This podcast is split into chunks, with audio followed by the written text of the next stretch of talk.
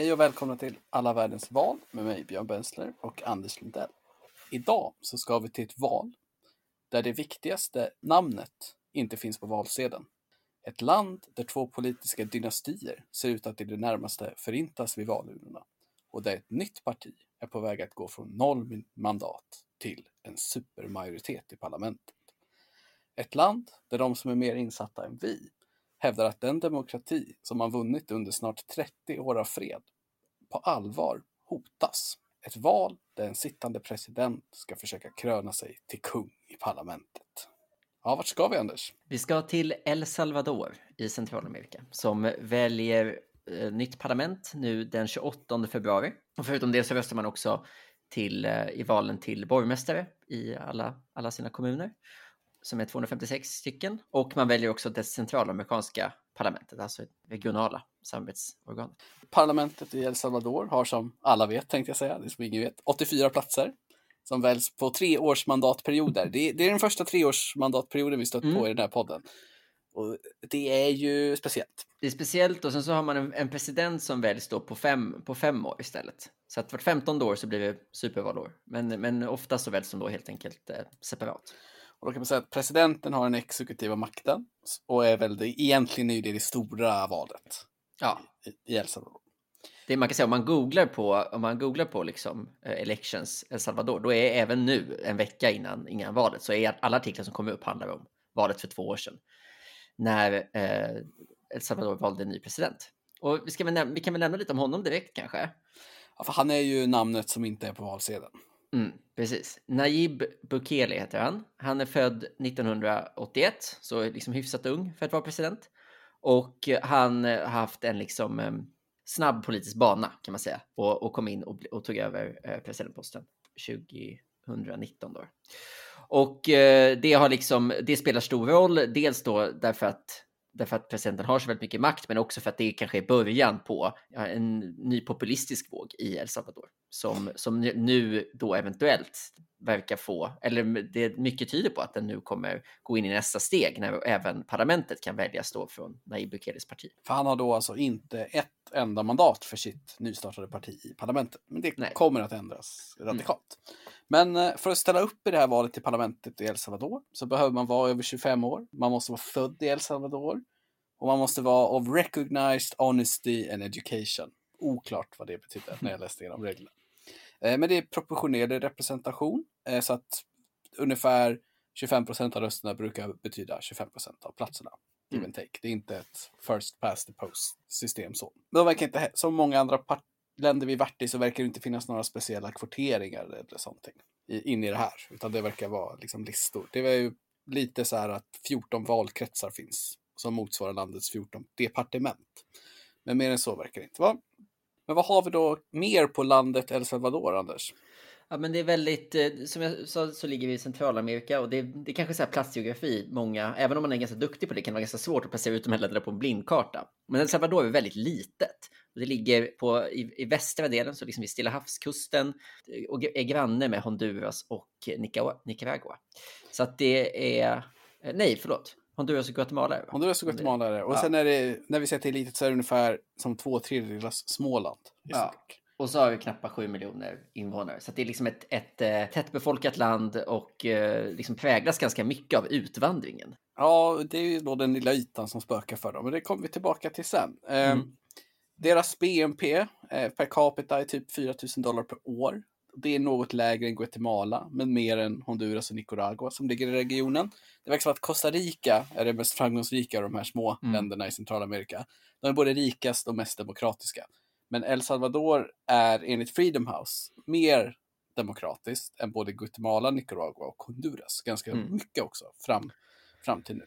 Ja, och, och, men fick en försämrad status så sent som 2020. Så att det är snarare riktningen som folk är oroade över än nivån.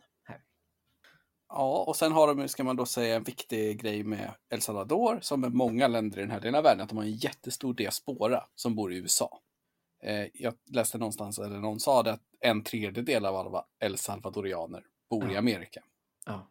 Och det är då eh, den största inflödet av utländsk valuta, är ju då pengar som skickas hem till hemlandet. Just det. Och de får till skillnad från några av de andra valen, som i, i eh, Ecuador till exempel, så finns det ju ändå en egen, en egen valkrets för de här, men det finns det inte i El Salvador. Man får helt enkelt inte rösta alls. Nej, det finns de... inget sånt alls. Är precis, så förstod jag också, att de får inte rösta alls. Inga utlandsröster. I Sverige så innebär det ofta att man stänger hur, hur, kommer 50 000 röster från utlandet? Eller det är... Här hade man kunnat ta en tredjedel.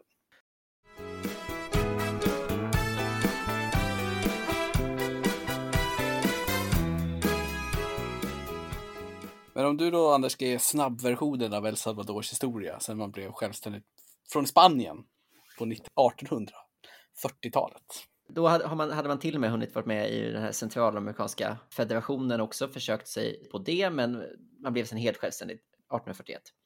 Det man får börja med att säga på något sätt är ju, eh, om vi, om vi spolar fram till liksom vad som hände vid, vid eller 1900-talet och framåt, så var det liksom en, en ganska turbulent demokratiseringsperiod där, där man gjorde ett demokratiskt försök. Och det gjorde man 1931. Eh, men redan samma år så tog den dåvarande vicepresidenten och krigsministern eh, makten och införde liksom en, en eh, militärdiktatur. Och 32 så hade man stora uppror i landet där man hade en stor massaker som har präglat landets historia ganska mycket som kallas matanza. Det betyder typ massaken. Ja, precis. Det betyder väl bokstavligt precis. Och där är liksom de som dog i, i den, liksom många från ursprungsbefolkningen, eh, många liksom Eh, småbönder och kommunister. Och sen hade man då en, en ganska turbulent period där liksom USA pressade dem att hålla lite val, men man gjorde aldrig riktigt det och det blev aldrig, var aldrig riktigt demokratiskt. Eh, och så fortsatte stora delar av, av 1900-talet. Så att på, på 60-70-talet så, så hade man återigen en viss, en viss demokrati där det fanns två partier som på något sätt byttes av lite grann. Men Eh, det var ju verkligen en situation där militären lät eh, demokratin pågå. Man var liksom inte underordnad det demokratiska systemet. Och det höll, höll i sig fram till slutet på 70-talet då ett eh, långt inbördeskrig startades. Och under det här inbördeskriget så den ena stridande sidan var då militärdiktaturen eller juntan, vad man ska kalla den. Och den andra var det som hette FMLN, och de, det var liksom en gerilla som, som grundades av ett gäng olika vänstergrupper kan man säga och som då stred mot, mot militären. Och de, men eftersom de hade så pass politisk gren så startade militären då också en, en, politisk organisation som började ställa upp i val och sånt där, alltså ett, ett parti. Och då var ju val, liksom, valen väldigt kontrollerade av militären, men, men man, man började ändå köra någon typ av liksom, eh, demokratisk gren av partiet, eller av militären helt enkelt. Och kriget fortsatte liksom upp till eh, 90-talet då man till slut slöt ett, eh, hade ett, freds, ett fredsfördrag. Mellan då å ena sidan FMLN och å andra sidan det här Arena som de heter. Eh, som är då Allianza Republicana Nacionalista. Man brukar prata i, i termer av så transition, alltså mellan diktatur och demokrati, brukar man prata om hardliners och softliners. Alltså antingen de som bara vill strypa allt och hålla, hålla hårt och då blir det ofta en, en blodigare övergång eller då det som är alltså en mjukare övergång där man försöker behålla makten men genom att gå över till demokrati. Och det är då de här arena är snarare då softliners i den här frågan. Och sen så har man då det som då har under den här perioden gick från att vara en, en väpnad grilla till att bli ett liksom, brett vänsterparti. Då FMLN, Frente Farabundo Marti para la Liberación Nacional. Eh, alltså eh, ja, Farabundo Marti-fronten för nationell frihet. Eller nationell frigörelse, man säga. Ja, då kan man ju säga att två saker som jag plockar ut här när jag läste på om det här, det är ju att ett, det här kriget som ledde fram till 92 är ju extremt viktigt för vad som följde sen såklart. Men två intressanta saker jag plockade med var att konstitutionen som gäller nu, den satte man mm. inte 92, utan den är från 1983. Mm. Så att man började bara formellt typ följa den 92 istället. Ja, Ofta blir det ju att man skriver något nytt när man kör fred, men det gjorde man inte här. Intressant. Och sen så för har jag förstått det som att man drog en lag 93 som gav amnesti för alla våldsbrott under perioden mm. under inbördeskriget. Så att det mm. finns inga så här rättegångar som kan prägla att någon, som det var när vi gjorde Kosovo, när någon fick dra till Haag. Liksom. Ja, just det. Utan mm. även om det här kriget var väldigt, eh, ganska blodigt liksom, eh, mång, tusentals människor, tiotusentals människor dog. Ja. Och det var liksom verkligen inte, så verkar man liksom juridiskt ha bara släppt det. Alltså. Ja, och väldigt mycket liksom, det var ju väldigt mycket den här obehagliga typen av så här, utomrättsliga avrättningar bara och liksom underkontrakterade grupper till regeringen som liksom bara skötte det där liksom. Jag läste någonstans att, att det är ungefär 10 om dagen, alltså ja, knappt 4 000 om året som, som då på som då på något sätt ska ha dött av, av så här grupper, mer eller mindre kontrakterade av regeringen för att sköta det.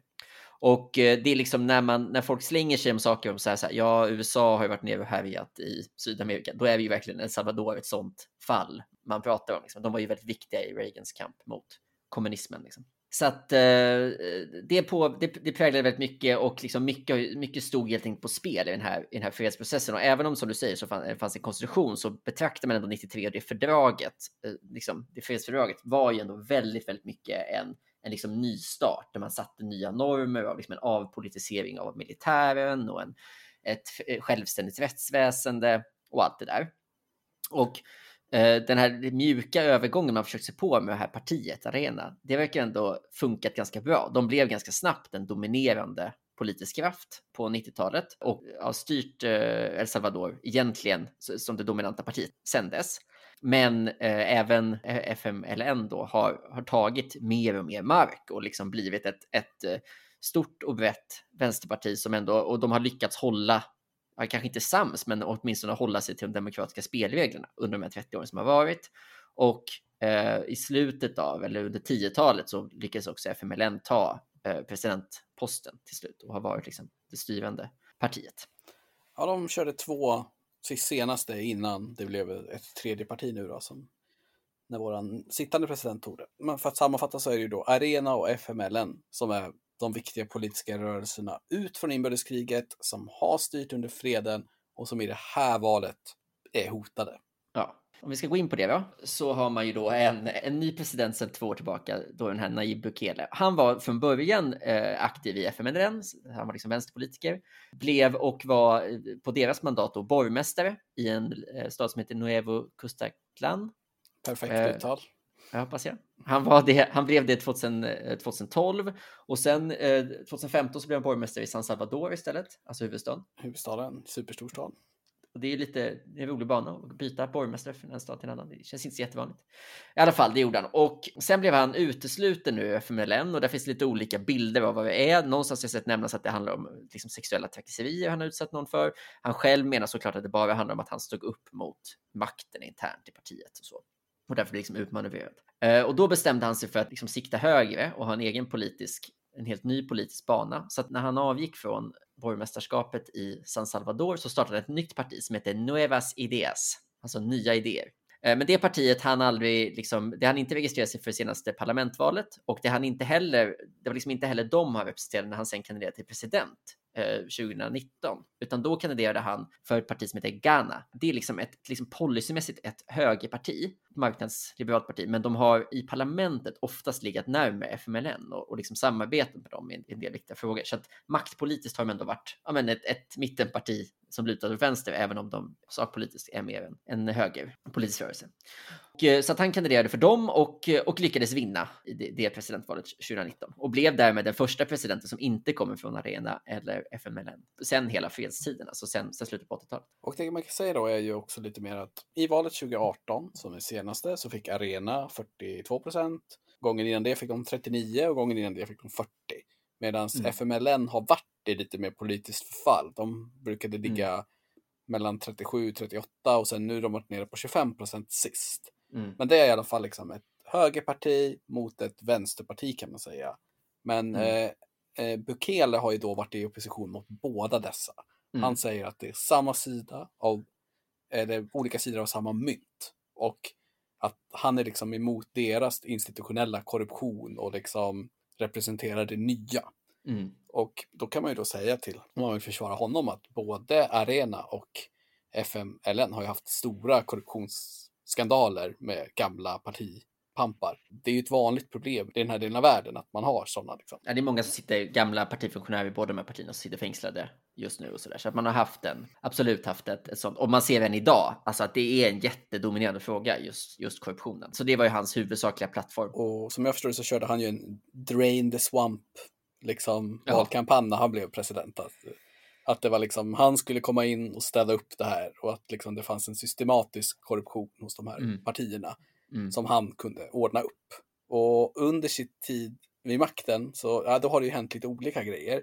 Det som jag fastnar på är ju att antalet mord har gått ner med 60 procent under hans tid som president, vilket på ytan kanske låter jättebra, men som jag förstår det så hävdar ju vissa att det beror på att han har förhandlat med den organiserade brottsligheten under bordet Mm. och liksom gett dem saker i utbyte mot att de ska sluta. Ja, Ja, han men har, då- nej, jag tänkte bara säga, han har ju också det här kriget mot den här tidningen Faro som du hade gjort anteckningar om som är liksom ungefär Trump mot CNN fast värre. Ja, precis. Alltså, han har ju verkligen ehm, har en väldigt Trumpsk eh, inställning till medier och säger att de ljuger och sådär. Och han, han verkar också ha använt, det, det finns liksom en statlig revisionsmyndighet som har granskat den här tidningen Faro i, i eh, liksom ett halvår nu och bara liksom, och att det egentligen bara är ett sätt att sabotera deras arbete, att det är alltid någon där och ber dem ja, svara på liksom alla möjliga frågor. Jag lyssnade på en intervju med, med eh, deras tidigare eh, chefredaktör bland annat, de berättade om den här ganska, ganska bisarra processen. Och de är ju, alltså det är svårt för oss att, att sätta oss in i liksom, men de beskriver, de har ju varit en, en liksom granskande tidning under både höger och vänsterregering, så att, att de skulle ha någonting just mot honom är ju lite, det är väl, eh, det är väl förståeligt att, att de känner att, att det inte är så att de har ett, ett politiskt bias mot honom. Nej, de hävdar väl att som många medier gör just nu i världen, att vadå, vi är inte biased, vi är independent, Mm. säger de. Och det är väl, ja, det, det har väl andra, andra olika åsikter Ja. om. Och en annan sak, om man, liksom, om man ska fortsätta den här liksom skolbokspopulismen som det ändå är fråga om, så, så är det ju ganska mycket. Han, han tog ju in, han gjorde ju en sak som, det har ju varit populärt bland populister nu att eh, ockupera parlamentsbyggnaden i det egna landet. Men han gjorde det på ett väldigt uppenbart sätt, nämligen att, att han helt enkelt tog in militären i byggnaden när man skulle rösta om ett stort lån som landet skulle ta från eh, centralamerikanska banken på något sätt. Alltså Ja, det är ju inte en institution man var bekant med.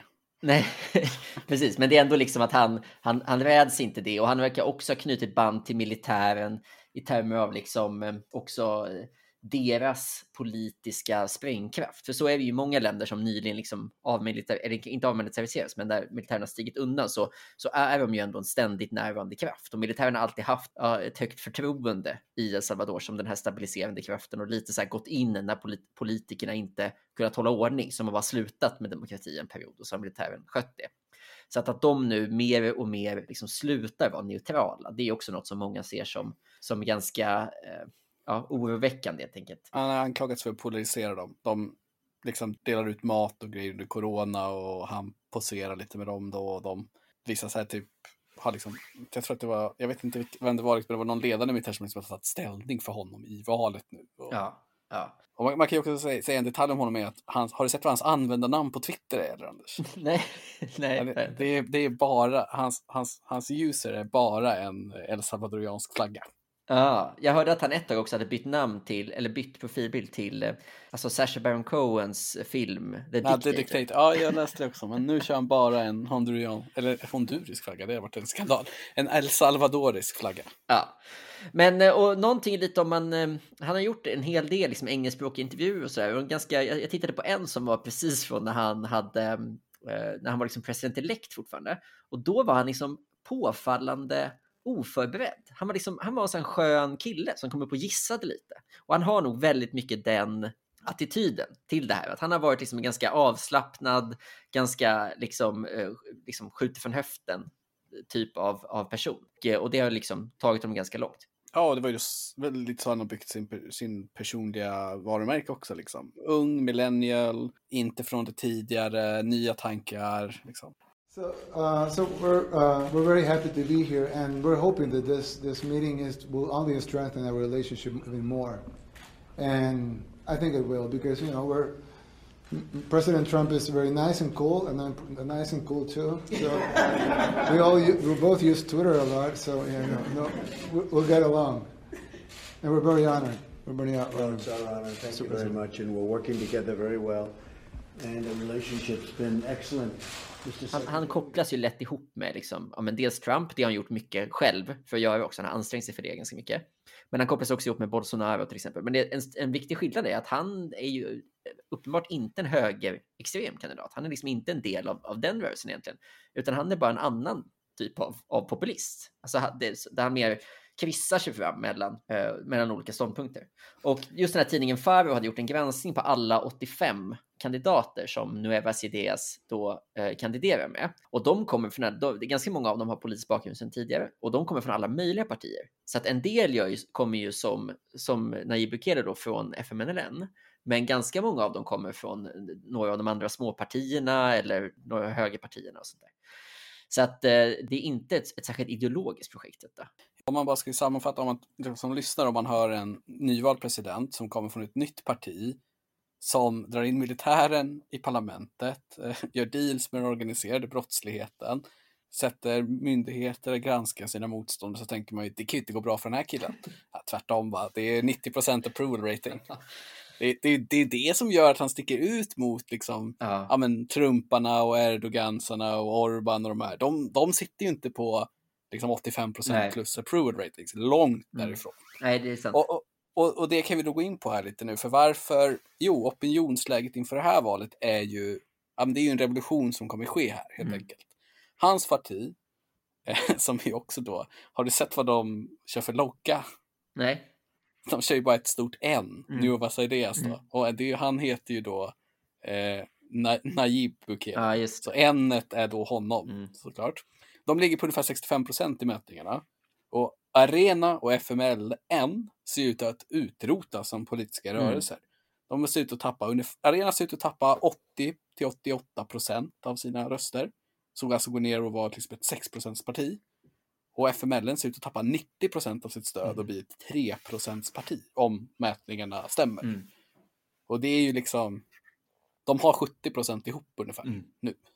Och de ska gå ner till 10 procent ihop. Mm. Och det är ju liksom otroligt. Ja, verkligen. Och, och framförallt då om man, om vi ska snabbt gå upp på de aktuella frågorna, men som vi nämnde innan så har de ju en väldigt speciell regel för presidenter i landet. Att man får köra igen, men man måste sitta en hel mandatperiod. Så att du kan liksom bli vald, sitta fem år och sen måste du vänta fem år innan du får sitta igen. Så väldigt så här, speciell roteringsprincip. Så det finns ju ingen som har kört två. Ja, man kan inte eh, köra två i rad alltså? Nej, Intressant. utan du måste vänta fem. Men nu tror ju alla att får han den här supermajoriteten mm. så är det ju att då blir det kanske en ändring här. Just det. Precis. Och det är därför det finns en så stor bild av att ja, men demokratin är under hot här. För ja, men det skulle vara en otrolig förändring om det var så att han faktiskt kunde sitta en till femårsperiod. Precis, redan idag så har han ju mycket stöd just för att systemet är viktat åt presidentens fördel till stor del i det åtminstone exekutiva. Men just lagstiftande makten har inte gått och kanske inte just de här sy stora systempartierna som är lite mer kanske lojala med det här fredsfördraget från 92 och sånt där. 93. Det kan bli en stor skillnad. Och det här lilla partiet som han då formellt är van, äh, valt från, Ghana, det här lilla högerpartiet, de verkar ju också fortfarande stå sig helt okej. Så att han har ju också deras röster förmodligen kvar. Så att det blir liksom en, ja, en utvärdering från både där både högern och vänstern slås ut av mittenpopulismen. Mitten? Ja, det är ju på något sätt det, är på något sätt det han är. Ja, alltså. Han har ju trängt sig in i ett system liksom, med två, två starka partier med tydlig ideologisk hemvist till höger respektive vänster. Och så tryckt sig in, kritiserat båda två från olika utgångspunkter och lyckas liksom snå sig saker. Sen är det såklart, ja, jag vet inte, det är såklart det finns saker som inte betraktas som mitten i termer av liksom, att de ändå är extrema, typ att ta in militären för att pressa fram liksom, en, en viktig omröstning och sådär. Men eh, det är inte en ytterkantspolitiker ändå. Nej, det skulle jag inte heller säga att han är, men han är ju kanske inte... Han känns ju som en politiker som är intresserad av sin egna position ja. och sin egna makt, mer än att... Ja, han, sticker ut, en... han sticker ut mer i metod än i, ja, än i åsikter. Liksom. Det indikerar ju någonting intressant också i det här med att i många länder så är ju det traditionella partiväsendet på väg att fragmenteras. Mm. Att det, liksom, att det är nya partier. Det är det ju verkligen här. Men uh, har vi något på opinionen då, liksom mer? Vad, vilka frågor diskuteras? Och så vidare. Ja, men korruptionen är en, en sån fråga. Liksom alla partier säger ju, de, de andra etablissemanget, vi är icke-korrupta. Typ. Så att där har väl alla ett ganska liknande budskap. Sen finns det ju en del frågor om just det här med liksom, den ekonomiska utvecklingen och, och um, emigrationen då. Alltså att man har så fruktansvärt många som, som lämnar landet. Och det, det är där Bukele har försökt göra sig till allierad med Trump. Att han helt enkelt liksom har, har slutit lite deals med honom om att stoppa stoppa migrationen från, eh, från El Salvador då, eh, norrut. Han, han var ju tajt med Trump, men sen så, så skulle han ju kuppa nu ja. och åka träffa Biden. Ja, han åkte bara. Han, han ja. åkte liksom till, till, till Washington och, så, och liksom chansade på vinst och förlust och sa bara jag kommer, ta emot mig. Och Biden tog inte emot honom och då bytte han i efterhand och sa nej, jag var bara där själv. Jag var bara i Washington privat. Respekt till Biden där måste vi säga. Liksom. Det, han ska han liksom, du vet, sitt ner och vänta på din tur, unge man. Ja, lite så. Jag har inte tid med dig. Exakt. Ska jag ringa Macron nu? Typ. Ja, men, eh, men de, det är väl jätteviktigt för USA även, även nu att ha någon slags deal för att hindra migrationen på olika sätt. Liksom. Ja, men USA kör ju lite den här som, alltså du vet, man, som jag har förstått det så är det ju biståndsprojektet till Centralamerika handlar ju om att långsiktigt minska migrationsströmmen till USA. Som vi sa innan, en tredjedel av El Salvadorierna bor ju i Amerika. Och vi kan ju också säga att covid kommer ju troligtvis påverka landet väldigt mycket ja. i ekonomi och sådär. Liksom, oerhört beroende av pengar som kommer in från USA, från privatpersoner som har jobb där, som kanske har jobb, ja men liksom restauranger och sådana grejer som de jobben som försvann i USA till stor del. Liksom. Så, men vill du vill du dra det mer om liksom, landkrisen i El Salvador? Vi, för det är ju ändå en politisk fråga som alltid ligger i grunden. Tar vi efter, får jag säga någonting om fotbollskriget? Eller? Ja, men du får göra det. det... ja, men det, ja, men det, är också det är någonting för att visa att det här ständigt har varit en del av spänningen i landet. Men en här, typisk TP-fråga man kan få ibland, det är så här, mellan vilka två länder stod det så kallade fotbollskriget? Och svaret på den TP-frågan, lyssna noga nu, alla, alla nördar ute, det är att det stod mellan El Salvador och Honduras. Och det snabba, den snabba beskrivningen av, av krigets bakgrund var att El Salvador och Honduras spelade i samma VM-kvalgrupp till VM i Mexiko 1970. Kom, eller de spelade inte i samma grupp, utan de kom till semifinal där de möttes i det kvalspelet. Och eh, här använder man inte en en eh, målskillnadsregel, utan det var liksom poäng man gick på. Så att man var tvungen att, ja, man kunde inte vinna matchen med mer mål eller så för att gå vidare. Så att eh, först vinner Honduras i Tegucigalpa och sen vinner El Salvador i, i San Salvador. Och bo, vid båda de här matcherna så är det liksom, blir det ganska stökigt mellan olika supportrar. Eh, när de sen åker och har ett omspel i Mexico City, så där El Salvador vinner, då utsätts väldigt, väldigt många exil El Salvadorianer i Honduras för olika typer av trakasserier och... Och då kan man flika in då att de här exil människorna, de har helt enkelt gått över gränsen och bosatt sig ihop. Ja, för precis. att det inte har funnits land i. Exakt, så att den här spänningen handlade ju, alltså det är klart att en, en fotbollsmatch liksom startade den här, den här typen av spänning lite grann, men den hade funnits ganska länge av att helt enkelt, liksom det väldigt tätt befolkade El Salvador, så har människor migrerat från in i ett, det, det lite större och tror jag vid den här tiden också fattigare Honduras och tagit över marken. Ja, de har alltid varit lite fattigare, liksom, har jag förstått. Så. Ja, och sen, och sen gör Honduras en landreform som i praktiken liksom styr upp det där lite och, och väker väldigt, väldigt många människor som kanske har bott där ganska länge på de här ställena. Det gör att det blir liksom stora folkförflyttningar och det blir liksom tumult och mitt i det här så kommer den här fotbollsmatchen som liksom ytterligare spär på allt detta. Och matcherna spelades i slutet på juni och i början på juli så, så har El Salvador reagerat så kraftigt på de här övergreppen på deras befolkning i Honduras, att de helt enkelt börjar bomba eh, mål eh, inne i Honduras. Och, och, det startar ett krig som pågår i, i fyra dagar innan El Salvador till slut viker sig för de internationella påtryckningarna. Men eh, jag tror inte att det, nu har jag inte det framför mig, men jag tror inte att det, liksom själva freds, freden mellan dem tog det liksom 50 år eller någonting innan de skrev. Det var hyfsat nyligen. så, de, så de krigade i 100 timmar och så, och så, tog de 50 år på sig att sluta fred? Nej, men säg att det var, ja, det var i alla fall en, en, lång, en lång period. Så det, det om det. Så det säger någonting om, det säger någonting om liksom den här emigrationen från El Salvador har alltid varit en stor, en stor fråga för dem. Men vi kan ju avsluta med att säga att det här ses som ett, av de som kan mycket mer än oss, att det är ett väldigt viktigt val. Mm. Det är ett, ett val som, som man tror riskerar att påverka demokratin i landet. De här journalisterna som vi har lyssnat mycket på, då, som tycker inte att de är partiska utan självständiga, mm. ser ju hur staten, det vill säga presidenten, liksom använder juridiska medel för att gå efter dem, eh, stänga ner deras verksamhet. Och hur ett parlament som han kan bestämma eller diktera kommer möjliggöra, de vet inte vad. Och eh, det var någon som liksom citerade den här Washington Post-grejen att democracy dies in darkness. Mm. Och så sa han att det börjar bli skymning i El Salvador. Och, så att det är ett väldigt, väldigt viktigt val och det ska bli intressant att se hur det går. Och som de också sa då att det egentligen inte är så intressant hur det går, Utan det intressanta är hur långt kommer man? Precis, vi vet, vi vet redan nu att eh, liksom, Nuevas Ideas kommer komma in i parlamentet med besked. Och sen är frågan, får man redan nu en, en kvalificerad majoritet för Bukeles sida eller inte? Kul att heta Nuevas Ideas och komma in och bara köra de absolut äldsta idéerna. ja.